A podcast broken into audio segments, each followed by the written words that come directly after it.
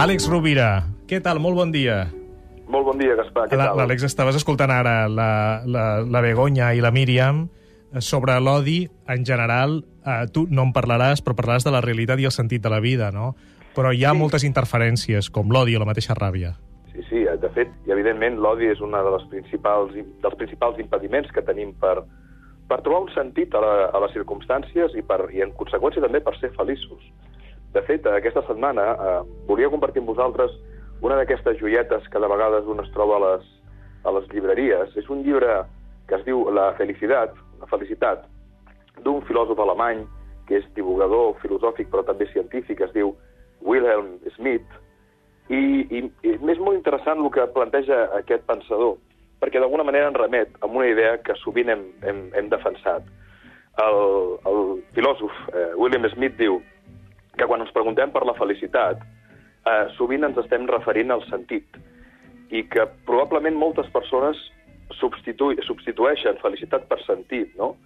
Um, probablement la urgència que tenim moltes vegades per trobar aquesta ansiada felicitat um, pot ser un indici de la, de la pressa, de l'angoixa que tenim per no trobar un sentit a la vida, un sentit a la feina, un sentit uh, a, a diferents dimensions, a la relació de parella, fins i tot a les circumstàncies difícils que ens toca, que ens toca crear. I el que diu aquest pensador és que sempre que parlem de que alguna cosa té sentit, és que podem trobar connexions. És a dir, quan les coses o les persones o les experiències no es presenten aïllats, sinó que estan relacionats, podem afirmar que hi ha una coherència, una connexió i, per tant, un sentit. Sovint, Àlex, som esclaus de la recerca d'aquesta felicitat.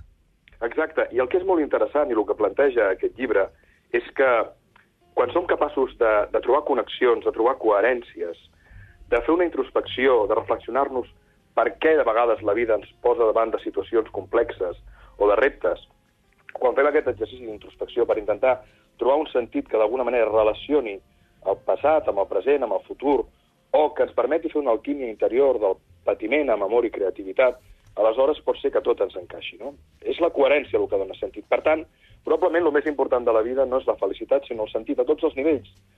Eh, que trobem sentit a la nostra vida física, a les nostres relacions afectives, plenitud de sentiments en l'espiritual, plenitud intel·lectual en l'aprenentatge i també plenitud d'experiències amb la transcendència fins i tot eh, davant del dolor i del patiment. No?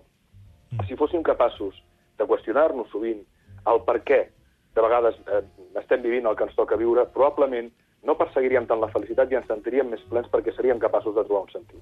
Àlex Rovira, moltíssimes gràcies. Ens recordes el nom de l'autor? Sí, es diu Wilhelm Schmidt, S-C-H-M-I-D, i el llibre es diu La felicitat, eh, publicat per Pretextos. És el blog de notes, eh, és el bloc de notes de cada diumenge de l'Àlex Rovira. Àlex, moltíssimes gràcies, que acabis de passar un molt bon cap de setmana. Fins la Una setmana que ve. Moltes gràcies.